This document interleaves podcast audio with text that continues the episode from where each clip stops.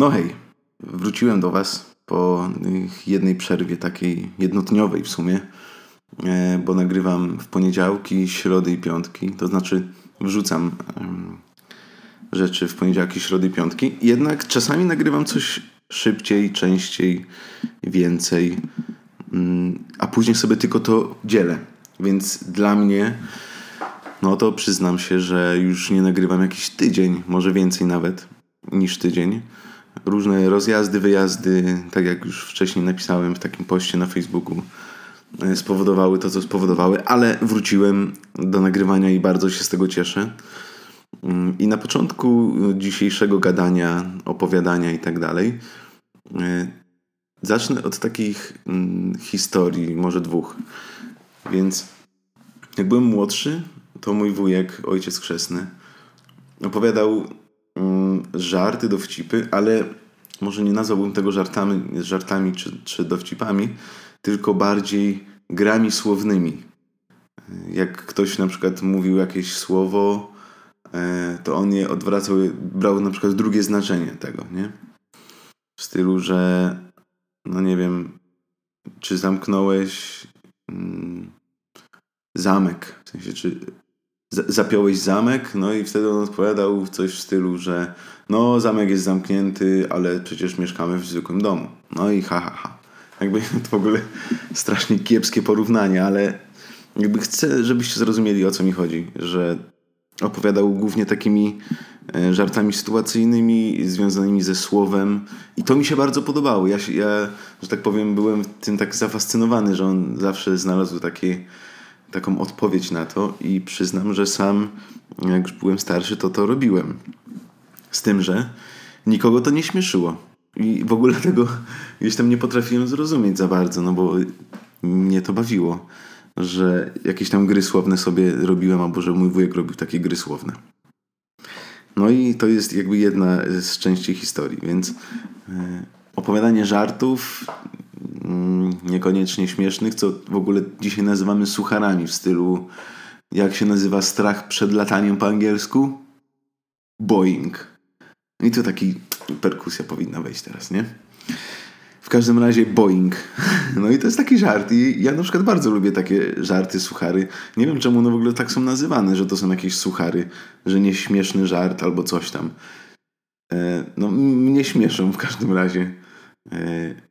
No i jakby druga, druga strona tego, że jak się patrzy na większość żartów, to one się z czegoś śmieją. Na przykład jak jest żarty w stylu yy, Rusek, Polak, Niemiec, nie? Że po prostu śmiejemy się z jakiejś przywary, która jest w naszej nacji, albo żarty w stylu yy, na przykład o Murzynach, albo o Żydach, czyli takie rasowe żarty, nie? E, no i tak dalej, i tak dalej. Jakby zawsze się z czegoś śmiejemy w tych żartach. Żarty o kobietach, żarty o rudych osobach, żarty o, e, no nie wiem, osobach, które nie mówią ry i coś tam, coś tam. Jakby zawsze znajdujemy taką, jakby według nas, bo to, to nie jest w ogóle powiedziane, że to jest słabość, ale według nas znajdujemy taką słabość albo rzecz, która nam się nie podoba, która jest tak ogólnie brana za coś gorszego, coś niefajnego. No i znajdujemy taką rzecz i się z tego śmiejemy i opowiadamy o tym żarty. No i o, o czym będę tutaj mówił? Będę mówił o tym, że mm, sobie pytanie, dlaczego nie śmieszą cię moje żarty? Bo no to jest dla mnie ciekawe, bo ja właśnie jestem w stylu tych żartów sucharów, nie? A jeżeli wychodzę z tych żartów, bo nie śmieszą cię już moje żarty, no to mówię żarty o takie, które są niemiłe. No i no jestem bardzo ciekawy, czemu jest tak, że generalnie według mnie jest mało albo nie ma w ogóle pozytywnych żartów. Jakby rozumiecie, że nawet nie wiem, jak, nie wiem jaki żart wymyśleć i starałem się coś takiego zrobić w ogóle z żoną, bo ona mówi, że no te żarty mi się twoje nie podobają, bo, bo jest mi przykro wtedy, bo coś tam, nie? I tak myślę, kurde, no ale przecież to są żarty, jakby to powinno być śmieszne, a czemu nie jest śmieszne? No i patrząc na mnie, jak, jak czasami sobie ktoś ze mnie żartuje, to widzę coś takiego, że jeżeli to są y, właśnie żarty takie skierowane do mnie, to widzę pewną zależność, że albo mówię jakąś, jaką, jakąś tam część prawdy i ta część prawdy albo mm, ogólnie ten żart uderza we mnie i w tą cząstkę, która jest o mnie prawdziwa, a która niekoniecznie mi się podoba. I wtedy widzę, że brakuje mi do siebie dystansu, że nie potrafię się śmiać z siebie, z moich słabości.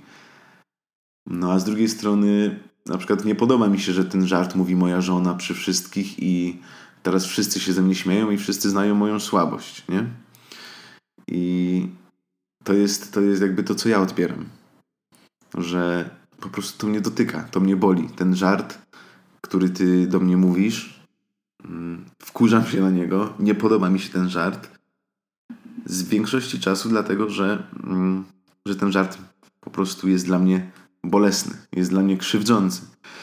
Ale z drugiej strony, jakby tak się mocniej przyjrzeć temu i tak złapać ten dystans, może nie zawsze to się da radę zrobić od razu, ale na pewno po jakimś czasie już ten dystans czasowy się robi, więc ten dystans wewnętrzny mój jest troszeczkę łatwiej złapać. I e, wtedy mogę coś wyciągnąć z tego żartu. I tak sobie myślę o tym, że może warto, abyś e, nie zawsze się złościł, złościła na to, że ktoś sobie z ciebie zażartuje. Może to będzie coś, co spowoduje, że będziesz mógł się rozwinąć, że będziesz mógł sobie zauważyć w ogóle w sobie jakiś, jakiś problem, może, może niekoniecznie problem, ale jakąś, jakiś mm, strefę, w której powinno się popracować.